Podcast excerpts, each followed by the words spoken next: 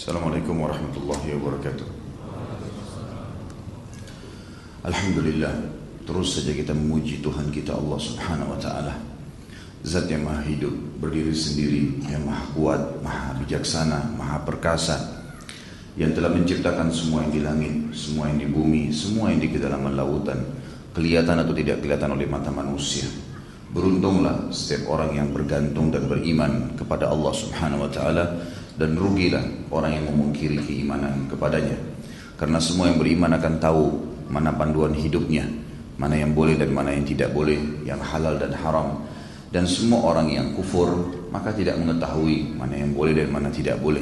Sementara yang patuh dibalas dengan surga dan yang durhaka akan dibalas dengan neraka. Maka sangat wajar kalau kita sering memuji Tuhan kita ini apalagi ia menggantungkan segala nikmat yang dia berikan kepada kita dengan kalimat Alhamdulillah. Juga kita panjatkan salam hormat kita senantiasa kepada manusia terbaik. Pilihan Nabi, pilihan Allah Subhanahu wa taala, nabi penutup dan pemimpin para nabi dan rasul, Nabi Muhammad sallallahu alaihi wasallam. Beruntunglah kita menjadi umatnya karena beliau sendiri bersabda, tidak ada satu pun dari umat sebelum kalian kecuali berharap menjadi kalian. Karena kita dipimpin oleh nabi yang terbaik, nabi yang diutus oleh Allah Subhanahu wa taala untuk seluruh alam semesta. Sementara nabi-nabi yang lainnya diutus khusus untuk kaumnya saja. Dan beliaulah yang akan jadi pemimpin di dunia ini dan ajarannya akan mulia dan akan memimpin dunia. Juga di akhirat akan menjadi pemimpin para nabi dan rasul dan orang yang paling pertama mengetuk pintu surga dan masuk ke dalamnya. Sebagaimana sabda beliau sallallahu alaihi wasallam, akulah manusia yang paling pertama masuk atau mengetuk pintu surga dan dibukakan dan aku pertama yang masuk ke sana dan tidak ada kesombongan di situ. Juga beliau mengatakan surga diharamkan untuk nabi-nabi sebelumku dan juga diharamkan untuk umat-umat sebelum umatku. Maka sangat wajar kalau kita bangga dan sering membacakan salawat salam hormat kita kepada Nabi Muhammad SAW. Teman-teman sekalian, saya secara pribadi mengucapkan selamat datang di kisah serial sahabat karena kita sedang membahas serial manusia terbaik teman-teman. Ada sebuah riwayat Imam Ahmad yang berbunyi kata Nabi SAW, Allah melihat hati hamba-hambanya, maka Allah menemukan hati Muhammad lah yang paling bersih. Maka diangkatlah Nabi Muhammad SAW, diangkatlah Muhammad kata beliau, menyebut namanya sendiri sebagai Nabi dan penutup para Nabi dan Rasul. Dan ini adalah ya, pemimpinnya mereka, pemimpin para Nabi dan Rasul. Kemudian Allah melihat hati-hati yang paling bersih dan yang paling layak menemani Muhammad maka ditemukanlah hati para sahabatnya. Jadi kita sedang membahas generasi terbaik manusia.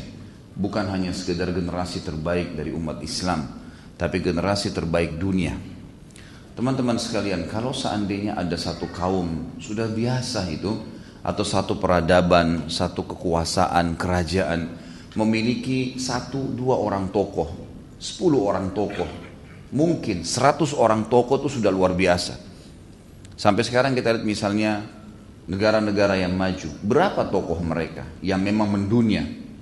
Kalau sudah sampai nilai 100 itu sangat banyak. Para sahabat Ridwanullah alaihim jumlahnya ribuan. Dan para kata para ahli sejarah, ini tidak pernah terjadi dalam sejarah manusia. Tidak pernah terjadi dalam sejarah manusia satu generasi mayoritasnya semua menjadi baik dan standarnya sama semua. Semuanya dermawan, semuanya baik, semuanya pemberani. Gak ada ciri yang disebutkan dari sahabat Nabi yang benar-benar. Kita tidak bicara orang munafik. Kita bicara sahabat yang benar. Karena ini orang munafik dikatakan munafikin di zaman Nabi SAW. Walaupun mereka hidup bersama Nabi SAW. Tapi yang betul-betul menjadi sahabat Nabi, tidak pernah ditemukan dari antara mereka satu pun yang pelit. Pengecut misalnya. Hindar, lari dari peperangan atau misalnya orangnya jahat. Tidak pernah. Satu generasi semuanya baik. Dan sangat wajar. Karena Nabi SAW sudah mengatakan dalam hadis riwayat Muslim ter, ya, abad atau generasi terbaik adalah generasiku. Nabi SAW dan para sahabat. Lalu datang generasi setelahnya yang menciplak kehidupan para sahabat. Lalu datang setelahnya generasi yang menciplak kehidupan para tabi'in yang menciplak dari para sahabat ridwanullahi alaihim. Jadi teman-teman kita bukan sedang bicara tokoh Arab atau sebuah dongeng masa lalu. Kita sedang bicara tentang generasi terbaik manusia. generasi terbaik yang mengikuti manusia atau nabi yang terbaik. Nabi Musa alaihissalam pernah memilih 70 orang sahabatnya khusus untuk mengikuti dan patuh kepada Allah. Dan ini pilihan. Ya. Allah menyebutkan dalam Al-Quran, dalam surah Al-A'raf tentang masalah itu, 70 orang dipilih. Tapi diceritakan juga dalam Al-Quran bagaimana perilaku mereka kepada Musa. Pada saat Musa alaihissalam mengatakan, ayo kita masuk ke Palestina, menyerang di sana. Jawaban mereka, para sahabat Musa alaihissalam yang yang 70 terbaik itu, mereka mengatakan, pergilah kau dengan Tuhan wahai Musa berdua. Kami akan tunggu di sini. Kalau sudah menang, baru kami ikut-ikutan masuk. Kalau enggak, enggak sahabat terbaiknya Musa alaihissalam ini. Al-Quran menceritakan masalah itu. Mereka juga yang mengatakan, kami akan memastikan iman kami sempurna hai Musa, kalau engkau memperlihatkan kepada kami Allah. Seperti itu. Tapi para sahabat Ridwanullahi alaihim berbeda sekali. Sahabat Nabi SAW berbeda. Sampai waktu Nabi SAW akan berperang Badr, maka beliau mengatakan, saya keluar tadinya memang untuk menghadang kafilah Quraisy dan tidak ada kebohongan di situ. Emang sudah begitu. Hanya saja dengan hikmah Allah terjadilah pertemuan antara pasukan ini ya, yang akan menghadang kafilah dengan pasukan Quraisy 314 melawan 1000. Bagaimana pendapat kalian? Nabi SAW melempar pendapatnya kepada 313 orang sahabat dengan beliau 314 alaihi salatu wassalam. Maka semua sahabat pada saat itu mengatakan, ya, ya Rasulullah, ke mana pun anda mengajak kami, apa pun instruksi anda, kami akan lakukan. Dan satu orang ansar yang mulia mengatakan radhiyallahu anhum ajma'in, mengatakan ya Rasulullah, kami tidak akan pernah mengatakan seperti sahabat-sahabat Musa yang berkata kepada Musa, pergilah kamu berdua dengan Tuhanmu dan perangilah. Kami akan tunggu di sini. Tapi kami akan berkata, pergilah Kalian berdua dan kami akan bersama kalian. Demi Allah wahai Rasulullah, kalau seandainya anda masuk ke lautan, kami akan masuk bersama anda. Urwah bin Mas'ud radhiyallahu anhu nanti jadi sahabat tentunya. Waktu sebelum jadi sahabat dia duta, dutanya orang-orang Quraisy. Dia kalau kalau disuruh kalau Quraisy punya kebutuhan kepada Kisra raja Persia atau kepada Kaisar raja Romawi atau ke Najasyi raja Afrika yang pada saat itu memimpin dunia terkenal Negara-negara adidaya yang sangat besar pasukannya, peradabannya sudah terbentuk, arsitekturnya sudah maju, ekonominya sudah maju. Dia selalu datang dan dia mengatakan pada saat dia mendatangi Madinah yang waktu itu masih sangat sederhana. Dia mengatakan waktu pulang ke Quraisy, wahai Quraisy, demi Allah, saya sudah mendatangi Kisra dan kalian tahu, saya duduk di sisinya dan dihormatin. Saya datangi Kaisar, saya juga duduk di sisinya dan saya dihormatin. Saya datang ke Najasyi juga sama. Tapi tidak pernah saya lihat ada sahabat-sahabat ya para raja-raja ini yang seperti sahabatnya Muhammad. Setiap kali Muhammad jalan mereka menaungi dengan pelapa kurma. Setiap kali Muhammad mengeluarkan ya sesuatu dari tubuhnya, bahkan Nabi SAW kadang-kadang kalau mengeluarkan riaknya berludah, mereka tidak membiarkan ludah tersebut tergeletak di tanah, tapi di telapak tangan mereka. Dan tidak pernah Muhammad selesai berwudu kecuali mereka memperebutkan airnya. Tentu sebelum saya jauh menjelaskan teman-teman, ini khusus untuk Nabi Shallallahu Alaihi Wasallam. Bukan seorang muslim kepada kiainya, kepada ustadznya, bukan itu. Tapi di sini kedudukan Nabi Muhammad SAW dan bagaimana para sahabat memahami tentang kondisi itu. Begitu luar biasanya gitu. Ya. Sampai Urwa mengatakan belum pernah saya temukan ada orang-orang seperti ini. Salah seorang sahabat nanti akan kita bahas hidupnya insya Allah. Khubayb radhiyallahu anhu. Beliau ditangkap oleh orang-orang Quraisy, bukan ditangkap, dibeli oleh orang-orang Quraisy dari suku-suku Arab yang berkhianat dan akan dibunuh. Waktu dia lagi diikat di tiangnya teman-teman, di tiang akan disiksa, gitu kan?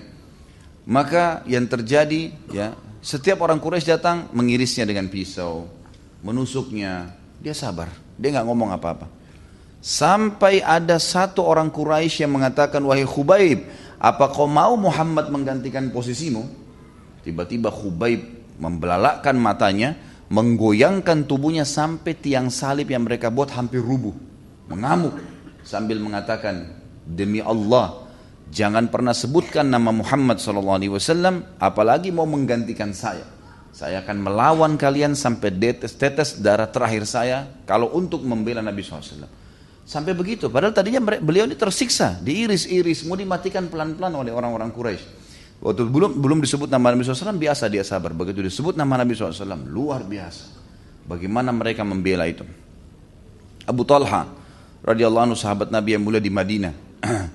Nabi SAW melihat ada satu orang muhajir dari Mekah, kondisinya susah sekali. Tidak punya kecuali baju di badan dan cuma bawa segelas air. Kata Nabi SAW kepada para sahabat yang ada di situ dari Ansar, siapa yang mau menghormati tamu ini? Siapa yang mau jadikan orang ini sebagai tamunya? Abu Talha waktu itu, teman-teman sekalian disebutkan dalam riwayat tidak punya makanan, tidak punya minuman di rumahnya. Kecuali makanan anaknya saja. Dia mengatakan, saya ya Rasulullah. Selama Rasulullah yang menawarkan saya Rasul. Mereka berebut untuk mengatakan saya tapi Abu Talha lebih dulu. Saya Rasulullah. Kata Nabi SAW bawalah ke rumahmu. Dibawa ke rumahnya. Begitu masuk ke rumahnya teman-teman sekalian dia bilang sama istrinya. Rasulullah SAW meminta ya agar ya, kita mendapatkan kemuliaan yang luar biasa dia bilang sama istrinya. Karena Rasulullah SAW meminta agar kami menghormati tamu ini dan akulah yang berhasil ditunjuk. Apa kau siap untuk menerima tamu ini? Kata istrinya tentu saja. Baik, apa yang kau miliki? Kata istrinya, tidak ada lagi kecuali makanan anak kita saja untuk malam ini. Itu pun, itu pun kalau ada sisa dari makanan anak-anak kita ini kita untuk kita berdua nggak ada makanan. Kata Abu Talha, kita harus menghormati tamu Nabi Shallallahu Alaihi Wasallam. Padamkan lampu agar anak-anak tidur dan mereka melupakan makanannya. Terangkan lampu di ruang tamu agar tamu tahu kita siap untuk menjamunya dan hidangkan makanan anak-anak untuk dia, untuk tamu ini. Jangan buat kesan kita nggak punya makanan kecuali itu. Kata istrinya baiklah. Dilakukan oleh istrinya. Dipadamkan lampu, anak-anak ini ditidurkan, setelah itu makanan dihidangkan sedemikian rupa, semaksimal mereka bisa, sehingga tamunya menganggap memang masih banyak makanan, silahkan makan, silahkan makan, sampai tamunya kenyang. Dan mereka berdua suami istri tidur malam hari dengan anak-anaknya kelaparan. Dalam kondisi karena ingin menghormati tamu Nabi Wasallam. Luar biasa gitu. Pengorbanan yang mustahil terjadi oleh generasi manusia ini kalau bukan karena Allah Subhanahu Wa Taala memilih mereka. Luar biasa maka malam itu mereka menginap gitu kan dalam kondisi kelaparan teman-teman sekalian turun firman Allah Subhanahu Wa Taala memuji mereka bahwasanya ada di antara sahabat-sahabat Nabi itu yang yu'thiruna ala anfusim walau kana bihim khasasa mereka memaksakan diri mereka walaupun mereka butuh itu demi untuk menjalankan perintah Allah dan Rasulnya. Generasi emas. Bagaimana memang mereka sangat layak teman-teman kita untuk kita jadikan sebagai idola kita. Tahu namanya, tahu bagaimana rumah tangganya, tahu bagaimana perjuangannya dan mereka yang harus setiap hari kita baca kisahnya. Bukan lagi kisah dongeng yang bohong, setiap hari sibuk dengan tunggu serial keempatnya, kelimanya Spiderman, Batman, dan kisah dusta semua. Yang tidak ada sama sekali. Dan itu membuat orang-orang Islam jadi vakum. Tidak mengenang lagi tentang perkembangan agama mereka. Tidak ada lagi kemuliaan dengan Al-Quran dan Sunnah. Kembali saya reviewkan. Nabi Muhammad SAW teman-teman waktu hijrah ke Madinah tahun 1 Hijriah. Nabi Ummi, babi yang buta huruf, nggak bisa baca, nggak bisa nulis Nabi SAW waktu itu berhadapan di kota kecil Madinah yang hanya dipenuhi dengan pohon-pohon kurma dan bangunan dari tanah liat dengan dua peradaban besar Romawi dan Persia. Tidak ada yang tidak kenal bagaimana peradaban mereka dari ahli sejarah. Jelas bangunan mereka sangat berkembang arsitekturnya, sistem ekonominya, militernya terkenal sekali. Setiap orang datang ke wilayah Bizantium pasti kagum dengan bangunannya. Ke Persia juga begitu dengan pasukannya, dengan ekonominya, dengan dengan perkembangan uh, kelebihan fisik masyarakatnya dan seterusnya. Tapi apakah Nabi SAW waktu ingin mendirikan negara pertama dalam Islam di Madinah, meminta tolong sama mereka? Ini dalam kondisi Nabi SAW perhatikan baik-baik, waktu itu Madinah sangat sederhana, sangat kecil, nggak ada peradaban, nggak ada. Sangat sederhana. Orang dari kebun kurma jual di pasar. Titik. Itu mayoritas pekerjaan mereka. Gak ada yang lain teman-teman sekalian. Apalagi kalau kayak kita sekarang, generasi sudah sangat luar biasa. Teknologi di mana-mana. Umat Islam masih bergantung sama orang kafir. Perhatikan teman-teman sekalian waktu itu Nabi SAW tidak pernah minta satu pun pertolongan kepada orang Romawi dan Persia. Tolong kirimkan misalnya bagaimana kami belajar dari sisi militer, dari sisi ekonomi dipindah, dipindahkan misalnya, atau peradaban, atau arsitektur, sama sekali tidak. Yang dibangun adalah Al-Quran dan Sunnah karena beliau manusia terbaik dari seluruh keturunan suku yang ada di muka bumi ini. Beliau adalah penutup para nabi dan rasul dan apa yang dibawa adalah ajaran yang paling benar. Dan sahabat memahami masalah itu mereka bersama Nabi SAW membangun dari nol teman-teman sekalian. Terbangunlah peradaban dunia yang sangat besar dan Islam telah mengubah wajah dunia mengubah wajah dunia. Dengan ajaran Nabi Muhammad SAW mereka keluar dari padang pasir, mereka ekspansi Islam dan yang disebarkan Al-Quran dan Sunnah. Tidak ada yang lain sama sekali. Luar biasa. Coba ikutin uh, serial kita 10 yang sahabat yang lalu. Bagaimana mereka memiliki kiprah yang luar biasa. Tidak bisa dibayangkan gitu. Datang ke negeri Persia dengan keledainya yang tua, dengan pisau dapurnya yang dipakai untuk berperang di jalan Allah Subhanahu wa taala. Bahkan ada di antara mereka yang menggunakan panci yang dipakai masak sebagai pembela atau penutup batok kepalanya supaya tidak kena dengan musuh. Tapi mereka datang dan mengatakan kami telah dimuliakan dengan Islam, mengeluarkan manusia dari menyembah manusia kepada penyembahan kepada Allah Tuhan alam semesta. Tidak berpengaruh kerajaan bagi mereka, tidak berpengaruh kekayaan bagi mereka. Ini generasi dicetak oleh utusan Allah yang terbaik, teman-teman. Kenapa sekarang banyak umat Islam yang disayangkan sibuk dengan negara-negara kafir? Akan maju kalau ikut dengan negara ini. Akan maju kalau ikut dengan ekonomi ini. Dan kita sudah ambil pelajaran.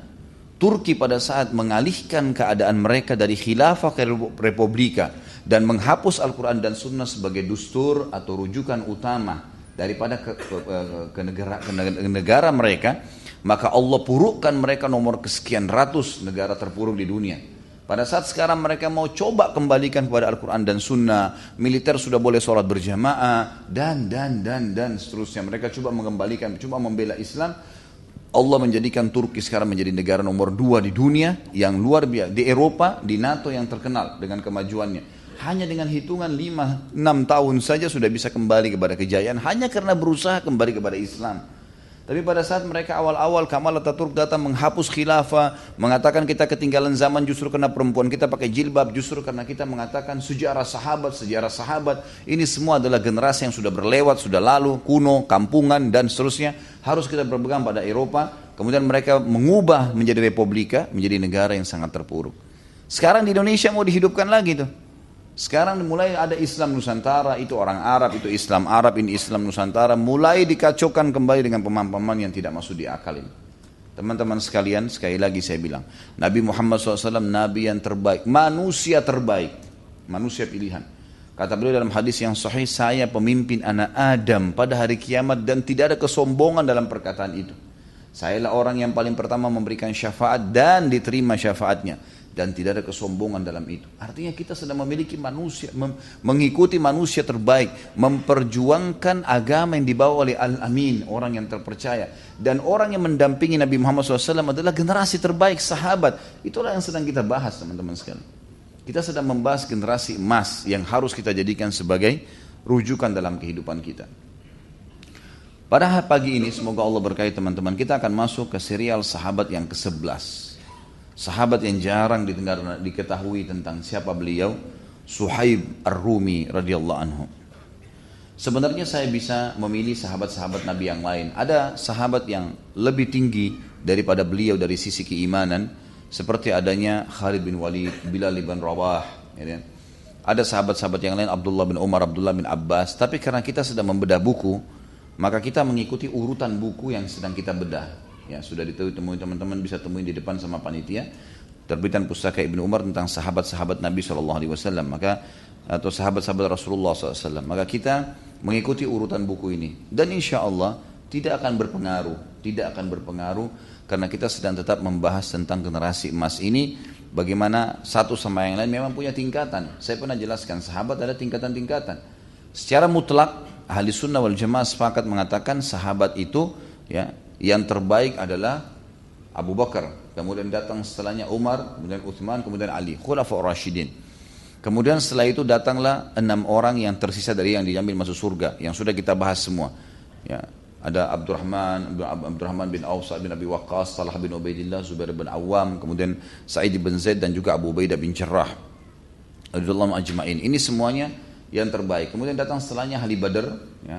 Orang-orang yang sempat hadir di Badar, Karena Allah Subhanahu wa taala menyebutkan mereka dalam Al-Qur'an, "A'udzu billahi minasyaitonir rajim. I'malu ma syi'tum faqad ghafarallahu lakum." Berbuatlah semau kalian setelah ikut Badar, maka Allah sudah mengampuni kesalahan-kesalahan kalian. Khusus mereka generasi luar biasa. Ya.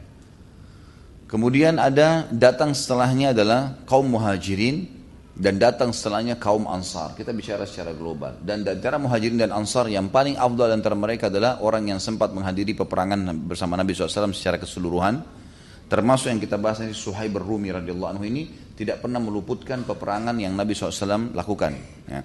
Kemudian juga ya eh, mereka penuntut ilmu yang memang khusus datang untuk menuntut ilmu bersama Nabi Wasallam ya seperti Abu Hurairah, Abdullah bin Abbas, Abdullah bin Umar, Anas bin Malik yang paling banyak meriwayatkan hadis dan termasuk Suhaib Rumi salah satunya. Karena beliau meriwayatkan sekitar 307 hadis dari Nabi Shallallahu Wasallam, di antaranya hadis yang masyhur ya yang sering disebutkan tapi tidak disebutkan nama sahabat adalah ajaban di amri mu'min.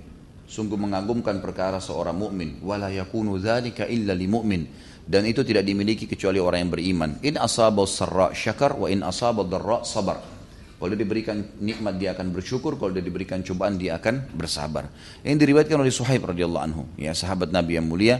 Hadis ini riwayat, riwayat Imam Muslim dengan sanad yang sahih.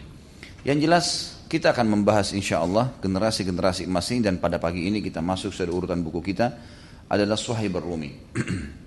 Kita akan mulai teman-teman seperti biasa, walaupun ini metode saya pribadi dalam membahas sahabat. Kebanyakan kalau kita temukan buku-buku yang mereka menulis ad-durus wal ibar, pelajaran-pelajaran yang bisa diambil itu ditulis biasanya di akhir buku. Kalau saya biasanya saya mulai dari awal. Karena saya coba mengungkap apa yang berhubungan dengan kelebihan Suhaib radhiyallahu anhu, kemudian keadaan pribadinya, nanti pada saat kita membahas pribadinya seperti yang sudah berlalu-lalu, maka yang sudah berlalu kita bahas sahabat-sahabat yang lain, itu akan oh iya ya ternyata begini tadi di awal sudah dijelaskan oh ternyata memang karena ini sudah dijelaskan dan seterusnya. Kita mulai teman-teman sekalian ada di antara sahabat yang memang dasarnya manusia bebas. Bahasa Arabnya hur Abu Bakar, Umar, Uthman, Ali ini semua sahabat-sahabat yang masyhur adalah sahabat yang bebas tidak pernah terlintas dalam hidup mereka menjadi budak ada di antara sahabat-sahabat yang dulunya memang budak. Seperti Bilal ibn Rabah, Khabbab ibn Arad, kemudian juga masuk Suhaib Rumi. Ini semua adalah budak-budak dulunya. Mereka memang tadinya dalam keterbudakan hamba sahaya, kemudian setelah datang Islam dibebaskan atau terbebaskan atau memang terbebaskan sebelum Islam datang. Kemudian ya mereka masuk Islam dan akhirnya mengembangkan agama Islam itu.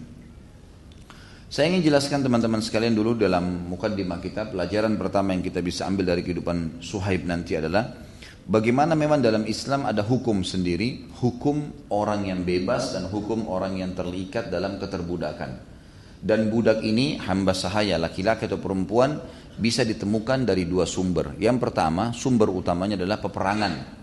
Kalau seandainya terjadi peperangan antara muslim sama kafir dan muslim memenangkan peperangan, maka semua yang ada di kelompok orang-orang kafir tersebut dari pasukan perang atau wilayah yang sedang diserang tadinya ditawarkan Islam mereka nolak diberikan ditawarkan upeti mereka nolak kalau diperangin dan menang maka semuanya bisa menjadi hamba sahaya namanya sabaya ya maka ini ada hukum sendiri ya.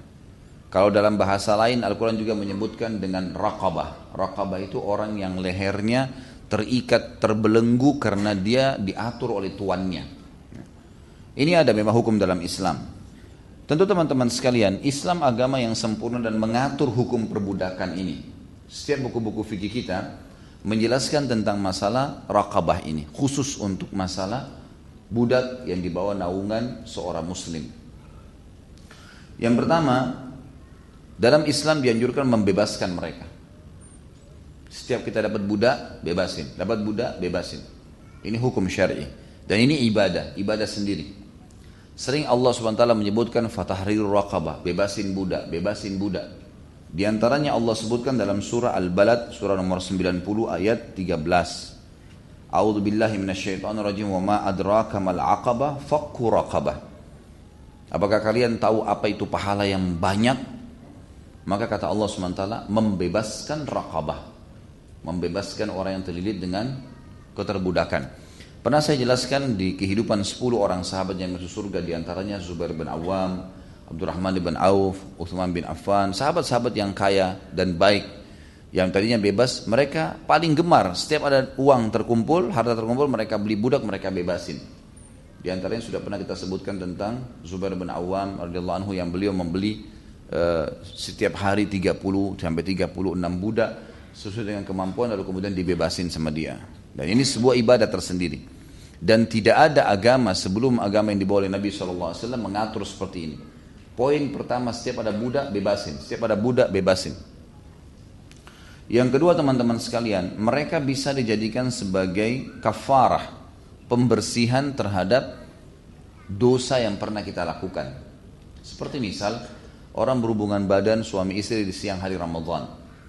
Itu nggak boleh berdosa gitu kan? Kecuali orang musafir atau sakit memang dasarnya tidak puasa. Tapi kalau tidak ada udur syar'i tiba-tiba orang kena berdekatan dengan istrinya atau suaminya lalu dia bangkit syahwatnya lalu dia berhubungan biologis di siang hari Ramadan maka kafarahnya adalah membebasin budak kalau tidak ada baru berpuasa dua bulan berturut-turut kalau tidak bisa baru memberikan makan 60 orang miskin tapi ada di sini pembebasan budak Orang yang bersumpah dalam Islam, kemudian sumpahnya salah. Ya, misalnya mengatakan demi Allah iya, demi Allah iya, padahal sebenarnya tidak benar. Dusta ataupun ya tidak sengaja dia bersumpah, tapi dia sudah menggunakan nama Allah, ternyata dia baru tahu dia keliru, maka dendahnya kafarahnya adalah bebasin budak, ya, atau memberikan berpuasa tiga hari berturut-turut, atau mereka memberikan makan sepuluh orang miskin. Ya. Jadi bisa menjadi pembersihan budak. Termasuk juga misalnya kalau ada seseorang muslim membunuh tidak sengaja muslim yang lain. Misal di kancah peperangan, seseorang melepaskan anak panahnya, dia targetnya ke orang kafir, jatuhnya ke orang muslim, terbunuh saudaranya muslim. Atau dia menembak seseorang kafir, dia pikir itu adalah nasra muslim, eh, nas, musuh misalnya. Ternyata setelah mati itu orang muslim, terbunuh secara tidak sengaja. Ini termasuk ya Allah Subhanahu wa taala menyuruh untuk memberikan pembebasan budak untuk membersihkan kesalahan tadi. Dan Allah sebutkan ini dalam surah An-Nisa surah nomor 4 ayat 92. A'udzu billahi minasyaitonir rajim wa man qatala mu'minan khata'an fatahriru raqabatin mu'minah. Barang siapa membunuh seorang mukmin tanpa sengaja maka dia sebaiknya membebaskan budak mukminah ya. Budak yang sudah masuk Islam dibebasin jadi kita lihat di sini disuruh bebasin, disuruh bebasin. Ya. Sama juga dengan tadi masalah sumpah itu disebutkan dalam surah Al-Maidah surah nomor 5 ayat 89 A'udzubillahi minasyaitonirrajim la yu'akhidukumullahu billagwi fi aymanikum walakin yu'akhidukum bima ayman fakaffaratuhu it'amu asharati masakin min awsati ma tut'imuna ahlikum aw kiswatum aw tahriru aw kis uh, ma tut'im ahlikum aw kiswatum aw tahriru raqabah al-ayah Allah tidak akan menghukum kalian kalau kalian ya dalam sumpah yang kalian sebutkan dengan tidak bermaksud ya. Beda kalau maksud tapi kemudian ketahuan salah. Tapi orang tidak bermaksud, tidak sengaja seperti orang Arab sudah terbiasa mengatakan wallahi wallahi tiba-tiba sudah jadi bahasa mereka. Lalu tiba-tiba wallahi saya akan begini misalnya. Dia tidak bermaksud dalam hatinya tapi ternyata sudah diucapkan. Allah tidak hitung itu. Tetapi yang dimaksud adalah yang kalian tekankan dalam hati kalian. Memang sudah tahu ya, atau yakin tapi ternyata salah. Atau yakin tapi ternyata dusta. Nah ini lain. Maka kalian harus memberikan kafara, memberikan makan 10 orang miskin dari tengah-tengah yang kalian berikan makan keluarga kalian atau memberikan pakaian mereka atau membebaskan budak. Nah, jadi kita lihat di sini ada hukum-hukum syar'i berhubungan dengan pembersihan dosa kita dengan kafa dengan e, membebaskan budak ini. Kemudian juga dianjurkan ya hukum yang ketiga jadi selain membebaskan mereka adalah ibadah juga mereka bisa menjadi kafarah yang ketiga dianjurkan atau diwajibkan setiap pemilik si tuan berbuat baik dengan budaknya kata Nabi SAW termasuk dalam keimanan adalah seseorang berbuat baik kepada para hamba sahaya ya, memberikan makan apa yang kalian makan dan juga memberikan minum apa yang kalian minum serta memberikan pakaian yang layak buat mereka jadi subhanallah tidak ada dalam ajaran agama lain.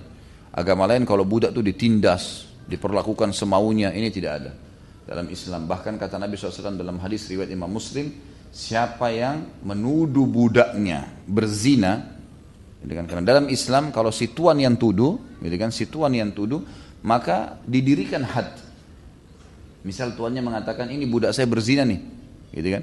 Ternyata tidak ada saksi, tapi karena tuannya, gitu, maka dihadirikan had, dicambuklah si budak tadi misalnya 100 kali atau dirajam. Maka pada hari kiamat kalau si tuan ini bohong, dia akan dihukum kisos oleh Allah Subhanahu wa taala. Allah akan balas dia dengan hukuman tersebut. Jadi sampai pada budak pun tidak boleh ditipu, gitu kan. Dalam Islam semuanya luar biasa, sempurna, nggak boleh sama sekali. Jadi harus kita tahu hukum mereka ada sendiri. Berbuat baik, memberikan makan dan ada juga hukum masuk dalam berbuat baik adalah hukum al-mukatib. Al-mukatib ini adalah teman-teman sekalian budak yang mau membebaskan diri. Dia datang pada tuannya dia mengatakan, "Tuan, saya mau bebas." Bagaimana caranya? Kata tuannya, "Kau bayar kepada saya 10 juta misalnya." Kata budaknya baik, bisa nggak saya cicil sejuta sejuta jadi akhirnya 10 bulan saya bebas. Maka kalau ini terjadi, si tuan tidak boleh nolak. Hukum mukatib hukumnya wajib. Memberikan kebebasan kepada budak yang mau menebus. Maka dia wajib menerima, lalu kemudian dibayarlah sejuta, sejuta, sejuta, sampai 10 bulan dia bebas. Ini masuk dalam hadis Nabi SAW, tiga golongan yang pasti Allah kasih rezeki, pasti. Yang pertama adalah mukatib. Tadi budak yang mau bebasin dirinya yang kedua mujahid walaupun dia pergi dengan baju di badan mungkin cuma dengan sebotol air tetap Allah akan penuhi semua rezekinya dan yang ketiga orang yang menikah karena takut berbuat zina atau berbuat yang haram. Pasti Allah SWT akan bukakan pintu rezeki. Jadi ada hukum mukatib di sini. Ada hukum mukatib. Dan di sini Allah Subhanahu wa taala juga menyebutkan itu dalam ayat keluar tentang masalah ini Kemudian juga perlu diketahui bahwasanya khusus bagi budak ini hukum mereka berbeda sedikit dengan hukum yang bebas. Seperti misalnya tidak ada kewajiban Jumat bagi laki-laki di antara mereka. Jadi Jumat menjadi sunnah kalau budak. Sebagaimana sabda Nabi SAW dalam riwayat Imam Ahmad, Jumat itu wajib kecuali bagi empat orang. Yang pertama adalah hamba sahaya, wanita, anak yang belum balik, dan juga musafir. Dan juga musafir. Ini tidak ada kewajiban. Masuk dalamnya adalah abd, seorang hamba sahaya laki-laki gugur baginya hukum wajib wajib Jumat. Jadi kalau tuannya suruh jaga sebuah tempat, dia harus jaga. Dia sholat duhur misalnya, seperti itulah. Hukumnya tersendiri. Dan kalau mereka berbuat perbuatan yang melanggar hukum agama yang mendatangkan had, seperti misalnya zina harus dicambuk misalnya 100 kali kalau dia belum menikah. Maka bagi budak ini mereka mendapatkan setengah dari siksaan itu. Mereka tidak mendapatkan semuanya. Ini hukum-hukum syari yang berhubungan dengan masalah uh, keterbudakan. Ya kan? Tentu dalam Islam bukan aib kalau orang dulu bekas budak kemudian dibebasin.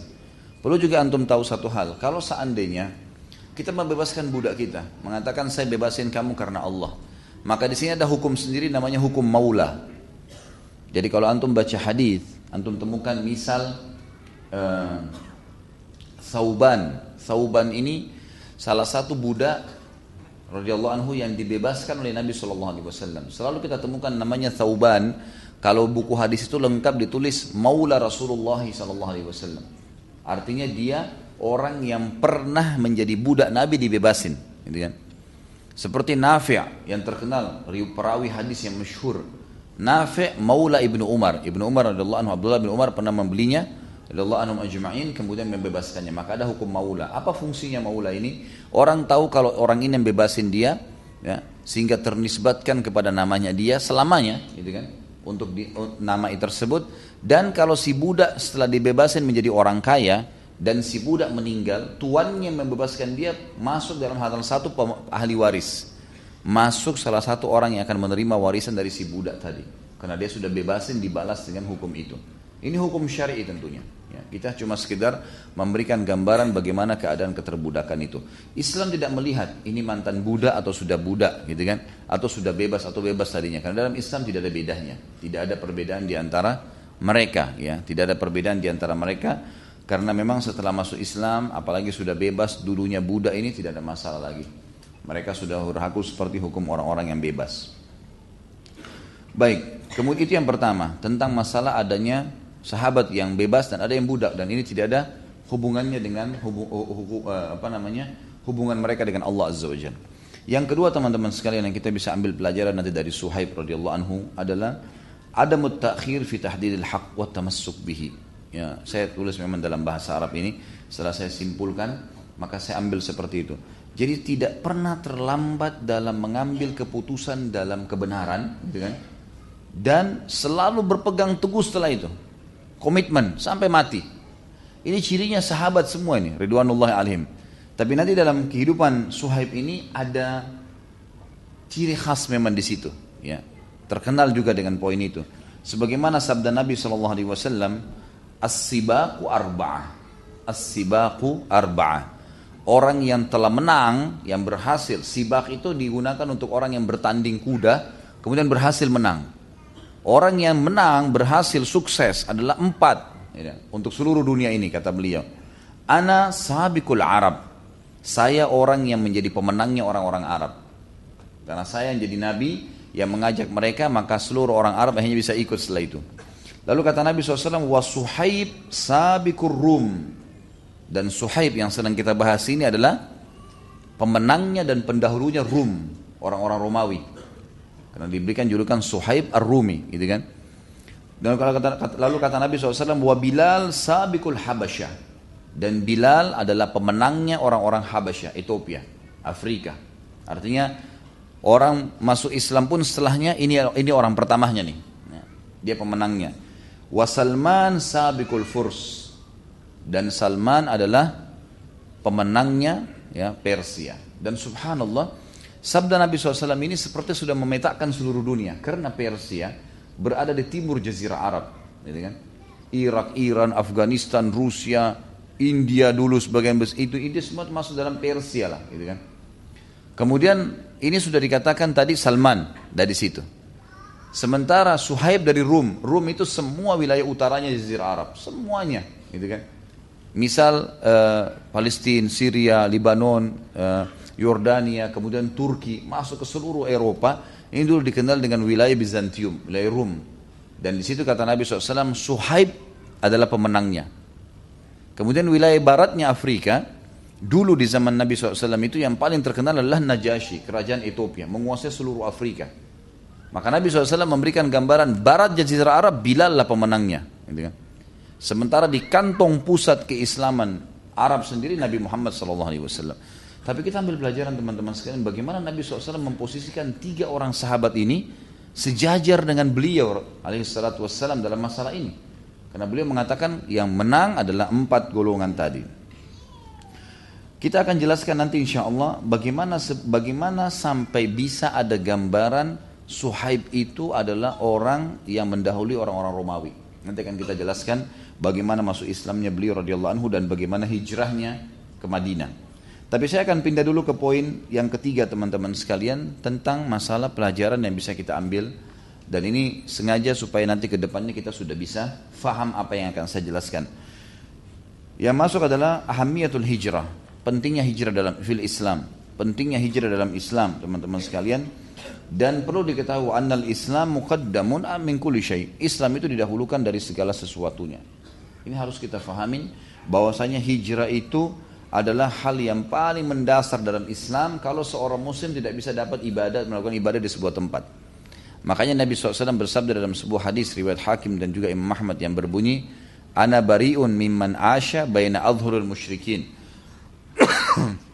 saya berlepas tangan dengan orang-orang kafir, orang-orang muslim yang sengaja tinggal di tengah-tengah orang kafir. Sehingga kalau mereka susah untuk beribadah, mereka susah untuk kalau mati nanti dimakamkan di mana, cari makanan halalnya susah, bentuk komunitasnya susah. Bahkan bisa terpengaruh generasi-generasi mereka kepada orang-orang kafir. Ini semua Nabi SAW mengatakan saya berlepas diri. Artinya, mesti jangan tinggal ya di tempat orang-orang non muslim. Kalau anda bilang baik, negara saya maju, kemudian saya pindah ke negara Islam, mungkin negara Islam itu belum maju. Nabi Allah SWT mengatakan dalam surah An-Nisa, surah nomor ya, 4 dalam Al-Quran dijelaskan ayat 100-nya. A'udzu billahi minasyaitonir rajim wa may yuhajir fi sabilillah yajid fil ardi muragaman katsiran wa sa'a. Al-ayat. Siapa yang berhijrah di jalan Allah, Allah akan berikan kepadanya muragaman katsira wa sa'a. Muragaman itu kata sebagian ulama tafsir furas, kesempatan-kesempatan, peluang-peluang yang banyak muragaman kathira, banyak didapatkan peluang nanti. Wasa'a dan kelapangan rezeki. Makanya saya masukkan dalam salah satu ya penyebab bertambahnya rezeki dalam tema saudaraku yang adalah rahasia rezekimu adalah hijrah. Karena Allah Subhanahu wa taala berfirman di sini. Ya. Ada kasus nanti berhubungan dengan Suhaib radhiyallahu anhu pada saat beliau hijrah dari Mekah ke Madinah karena beliau termasuk muhajir. Gitu kan? Dan ini sahabat mulia bergabung padanya orang yang pertama masuk Islam dari orang-orang Romawi, kemudian juga dulunya ya di Mekah, kemudian muhajir dan ini sahabat juga punya kedudukan muhajirin. Allah mendahulukan ya, al-muhajirin wal ansar. Orang-orang muhajir didahulukan daripada orang-orang ansar. Kemudian juga banyak kelebihan yang lain nanti akan kita sebutkan dari fadail beliau ya, radhiyallahu anhu. Yang jelas hijrah ini adalah sebuah simbol yang harus difahami dalam Islam dan kita ambil pelajaran nanti dari hijrahnya Suhaib radhiyallahu anhu. Kemudian yang keempat teman-teman sekalian, kita akan lihat pelajaran nanti ternyata setelah masuk Islam dan Islam itu memang tidak membedakan antara orang Arab dan orang Ajam. Karena Suhaib dianggap dari negara Romawi, walaupun dia turunan Arab sebenarnya. Nanti akan kita jelaskan riwayat hidup beliau dan kenapa ada julukan Ar-Rum, ya. Sebenarnya dia turunan Arab, tapi bukan bukan orang bule gitu kan, tapi memang per, uh, ke, keperawakannya ya itu seperti orang bule. Memang seperti orang-orang Barat karena dia dari kecil nanti dijadikan budak di wilayah Romawi, diperebutkan, diperjualbelikan sampai akhirnya tiba di Jazirah Arab atau tepatnya di Mekah. Tapi yang jelas teman-teman sekalian, sabda Nabi SAW yang mulia, La farqa bainal arabi wa ajamin illa bittaqwa. Tidak ada perbedaan antara Arab dan Ajam kecuali dengan ketakwaan. Dan ini asas agama kita. Siapa yang paling bertakwa teman-teman? Walaupun dia berkulit hitam, pendek, gemuk, jelek pun, tapi kalau dia dekat dengan Allah Subhanahu wa taala maka dia adalah orang yang paling mulia di sisi Allah. Walaupun gagah, tinggi atau cantik ya, dan kaya berwibawa tapi tidak ada takwa, tidak ada ibadahnya kepada Allah Azza wajalla, tidak patuh dengan Allah, ya, tetap melanggar hukum Allah, tidak ada nilainya sama sekali. Tidak ada nilainya sama sekali. Ya. Secantik apa pun, segagah apa pun, sepintar apa pun, tidak ada nilainya di mata Allah Subhanahu wa taala selama mereka tidak masuk Islam. Maka ini harus kita tahu teman-teman sekalian dan Islam membangun asas persaudaraan yang sangat kuat. Sebagaimana kita tahu hadis Nabi SAW yang berbunyi ya e, dalam hadis yang masyhur orang mukmin sama mukmin yang lain Bukhari Muslim Orang mukmin sama mukmin yang lain seperti satu jasad. Ya. Kalau satu luka tergores sedikit jarinya maka seluruh tubuhnya akan demam. Jadi sudah tidak ada perbedaan lagi. Oh ini bekas budak nggak ada. Oh ini orang Afrika nggak ada lagi. Oh ini orang Arab nggak ada kelebihan. Oh ini orang Melayu, ini orang ya, Eropa dan seterusnya tidak ada perbedaan lagi sama sekali. Kecuali dengan ketakwaan. Makin patuh makin dimuliakan oleh Allah Azza wa ya. Dan ini bisa kita lihat dalam realita kehidupan kita. Subhanallah banyak sekali kehidupan orang-orang yang saleh, keadaan fisiknya mungkin biasa tapi dengan ketakwaannya kepada Allah, maka Allah muliakan dia. Apalagi kalau dia bisa menggabungkan antara keduanya, punya kelebihan fisik, kelebihan dunia dan kelebihan ketakwaan kepada Allah ini luar biasa. Makanya pernah sahabat-sahabat miskin dalam hadis Bukhari datang kepada Nabi SAW mengatakan, Ya Rasulullah, sahabat-sahabat kami yang kaya, ya, mereka telah mendahului kami dari sisi pahala karena mereka mereka sholat, kami sholat, mereka eh, mereka sholat, kami sholat. Kami juga dapat pahala itu. Ini. Mereka puasa, kami puasa. Mereka haji, kami haji. Mereka jihad, kami jihad. Tapi mereka punya kelebihan mensodokakan hartanya kepada kami. Kami tidak dapat pahala itu. Bisakah anda beritahukan kepada kami amalan yang kalau kami kerjakan, maka insya Allah ya, amal itu, ya, amal itu bisa menyaingi sodokah mereka. Kata Nabi SAW, amalkan habis sholat subhanallah 33, alhamdulillah, Allah Akbar 33. Amalkan itu. Mereka pun mengamalkan. Lalu kemudian mereka kembali lagi dan mengatakan, Ya Rasulullah, beberapa hari kemudian sahabat-sahabat kami yang kaya mendengarkan hadis anda itu. Ya mereka ngamalin tuh. Sekarang beritahukan lagi kami pahala yang lain. Kata Nabi SAW apa? Zalika fadlullahi yu'tihi mayasya. Itu karunia Allah yang Allah berikan kepada siapa yang dia inginkan. Tentu kita sebagai seorang muslim disuruh kejar target terbaik. Menjadi orang yang paling terbaik. Segala sesuatu yang kita harus dilakukan jadi target yang terbaik. Tetapi Islam tidak membedakan uh, kalau uh, Islam akan membedakan satu hal yaitu ketakwaannya kalau orang itu pun berbeda dari sisi fisik. Tapi kalau orang bisa menggabungkan kelebihan semua itu sangat luar biasa. Itu karunia Allah yang Allah berikan kepada siapa pun yang dia inginkan. Baik kita akan masuk kepada tokoh kita, pahlawan kita ini Suhaib radhiyallahu anhu dan beliau bernama Suhaib bin Sinan bin Malik. Suhaib bin Sinan bin Malik. Beliau dari suku Amir. Suku Amir tentunya suku Arab ya. Jadi ceritanya adalah ayahnya menjadi seorang pemimpin di wilayah yang bernama Al-Ubbalah. Al-Ubbalah ini dekat dengan kota Basra di Irak dan ini ditunjuk sebagai gubernur dari pihak Persia. Jadi dia Suhaib ini anak raja, anak raja kalau kita bahasakan karena ayahnya dulu ini si Sinan bin Malik ini raja sebenarnya. Tapi karena kekuasaannya berada di wilayah Persia dan takluk oleh Persia, Persia tidak mencabut jabatannya, dibiarkan saja dia jadi situ tetap, tapi ditunjuk sebagai gubernur, cuman di masyarakatnya dianggap sebagai raja gitu. Satu waktu wilayah itu teman-teman sekalian diserang oleh pasukan Romawi. Peperangan antara Romawi dengan Persia, dua negara adik kuasa pada saat itu. Dan Romawi berhasil menang, gitu kan. Maka yang terjadi adalah direbutlah, ya, dibunuh semua pengawal-pengawal Suhaib ya termasuk pada saat itu ibunya kalau tidak salah terbunuh. Kemudian Suhaib pun ditawan oleh orang Romawi lalu dibawa ke wilayah Romawi. Lalu kemudian tumbuh besarlah menjadi seorang budak hamba sahaya yang diperjualbelikan dari pasar ke pasar. Seperti itulah keadaannya.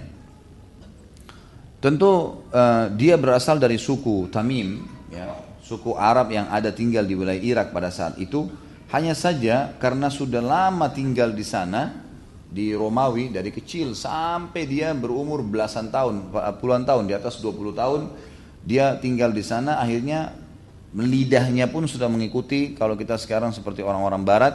Kemudian e, pada saat dia berbahasa Arab terkenal bahasanya pun tidak bisa maksimal fasih karena ada kebiasaan hidup di Rum. Dan karena dia ke e, keperawakannya pun wajahnya rambutnya itu memiliki mendekati orang-orang barat maka dikatakan Suhaib Ar-Rumi. Padahal sebenarnya dia bukan orang Romawi. Dia hanya di sana diperebutkan sebagaimana saya sebutkan kisahnya tadi. Kalau dari sisi fisik sendiri beliau berpostur tubuh yang sedang sebenarnya dan kulitnya kemerah-merahan berambut lebat dan uh, diberikan julukan Ar-Rum tadi saya bilang karena dia tinggal ramah di Romawi dan subhanallah ada sebagian orang begini. Kalau dia hidup di satu tempat dan dia terbiasa makan dengan makanan tempat itu maka bisa dia menyerupai ya. Memirip-mirip dengan orang-orang setempat itu ini sudah menjadi uh, umum di tengah-tengah masyarakat atau di kehidupan manusia tapi tidak semua. Ada orang yang seperti ini. Mungkin kena faktor makanan mungkin kena faktor cuaca. Ada orang tiba-tiba seperti itu bisa beradaptasi bahkan bukan cuma sekedar perilaku juga dari sisi fisiknya juga dari sisi fisiknya. Termasuk Suhaib radhiyallahu anhu. Beliau sangat terkenal orangnya baik dermawan dan sangat humoris teman-teman eh, sahabat-sahabat suka berteman dengannya karena dia suka uh, membuat mereka tertawa dan tertawa ini hal-hal yang halal bukan hal-hal yang buruk gitu. Di antaranya kisah yang masyhur pada saat Suhaib pernah kena sakit mata, kemudian Nabi SAW jadi matanya bengkak kelihatan dua, uh, apa bengkak yang satu bengkak sekali sebelah kanan yang sebelah kiri agak terbuka tapi juga bengkak sakit mata. Allah alam tidak disebutkan sebabnya. Yang jelas Beliau lagi hadir di hadapan Nabi SAW dan Nabi SAW lagi membagikan kurma untuk makan gitu. Lalu berkatalah Nabi SAW, wahai Suhaib majulah ke sini, makan juga. Suhaib sambil merabah jalan karena matanya rusak, kayak tidak kelihatan. Lalu Umar berkata, ya Rasulullah, Suhaib matanya tidak melihat tapi bisa makan, gitu kan. Jadi sambil mereka bercanda yang umum, gitu kan. Ini dan ini dibolehkan dalam agama Islam, tidak ada sesuatu yang haram di situ, karena biasa saja. Umar bin Khattab mau bercanda dengan Suhaib dengan Nabi SAW. Lalu Nabi SAW mengatakan, apa pendapatmu hai Suhaib? Ini Umar bilang begini nih. Maka Suhaib mengatakan, ya Rasulullah, saya makan dengan mata kiri saya yang tidak sakit. Gitu kan. Maksudnya dengan mata kiri yang kelihatan maka saya bisa makan. Gitu. Lalu sahabat pun tertawa pada saat itu.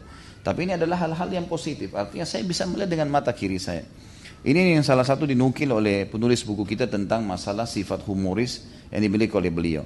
Beliau lahir di Mosul, dia di wilayah Irak tadi, 32 tahun sebelum masa hijrah Nabi Shallallahu Alaihi Wasallam. 32 tahun. Jadi memang dia masuk Islam sudah di atas 20 tahun umurnya. Sekitar 20-25 tahun beliau uh, pada saat itu baru masuk Islam. Ya. Kisahnya beliau jadi budak tadi sudah saya jelaskan pada saat dikalahkan atau diserang oleh Romawi lalu menjadi budak kemudian dia pindah dari tangan ke tangan terus diperjualbelikan sampai akhirnya berada, berada di tangan salah satu tokoh Mekah namanya Abdullah bin Jud'an. Dikenal dengan Ibnu Jud'an. Ibnu Jud'an ini terkenal sekali dengan kebaikannya. Dia orangnya sangat karam mulia suka dermawan lah ya. Suka bantu orang. Dan ini Ibnu Jud'an yang disebutkan dalam hadis Bukhari di mana Aisyah pernah bertanya ya Rasulullah Ibnu Jud'an Abdullah bin Jud'an nih terkenal dengan kebaikannya di masa jahiliyah suka silaturahim suka bantu orang. Sampai Ibnu Jud'an ini terkenal sekali dengan dia selalu menyalakan api unggun di depan rumahnya di kejauhan jadi kelihatan dan rumahnya agak di atas bukit di kota Mekah agar memberikan petunjuk kepada seluruh ya musafir boleh mampir jam berapapun di malam hari untuk minta makanan saking sukanya dengan membantu orang gitu nah dia suka bebasin budak dan seterusnya lah nah termasuk Suhaib Rumi pernah dibeli oleh Abdullah bin Jud'an lalu dibebasin sama dia tetapi sayangnya Abdullah bin Jud'an tidak tidak masuk Islam tentunya makanya Aisyah berkata ya Rasulullah Ibnu Jud'an dengan apa yang semua dia sudah lakukan gitu kan apakah bermanfaat buat dia dia pernah bersodakah, dia pernah silaturahim keluarga, dia pernah, dia pernah, dia pernah. Kata Nabi SAW sama sekali tidak. Karena dia tidak pernah mengatakan aku beriman kepada Allah. Dia tidak masuk Islam. Gitu kan? Maka ini juga pelajaran yang lain kita bisa ambil tentunya. Tapi yang jelas Suhaib Rumi dibebaskan oleh Abdullah bin Jud'an. Ada riwayat lain yang juga mengatakan dia sebenarnya dulu dimasuk dalam budaknya orang-orang Romawi Kemudian dia melarikan diri dan dia mendapatkan Mekah adalah tempat yang paling tepat karena Mekah terpencil sekali. Orang-orang Romawi dan orang Persia tidak pernah mau lihat Mekah tuh. Mekah ini seperti kampung yang kecil di lereng gunung dan tidak ada yang mau lihat, nggak ada kelebihannya pada saat itu pandangan mereka, gitu kan? Makanya waktu Nabi SAW menyurat kepada Kisra, gitu kan? Kisra tersinggung.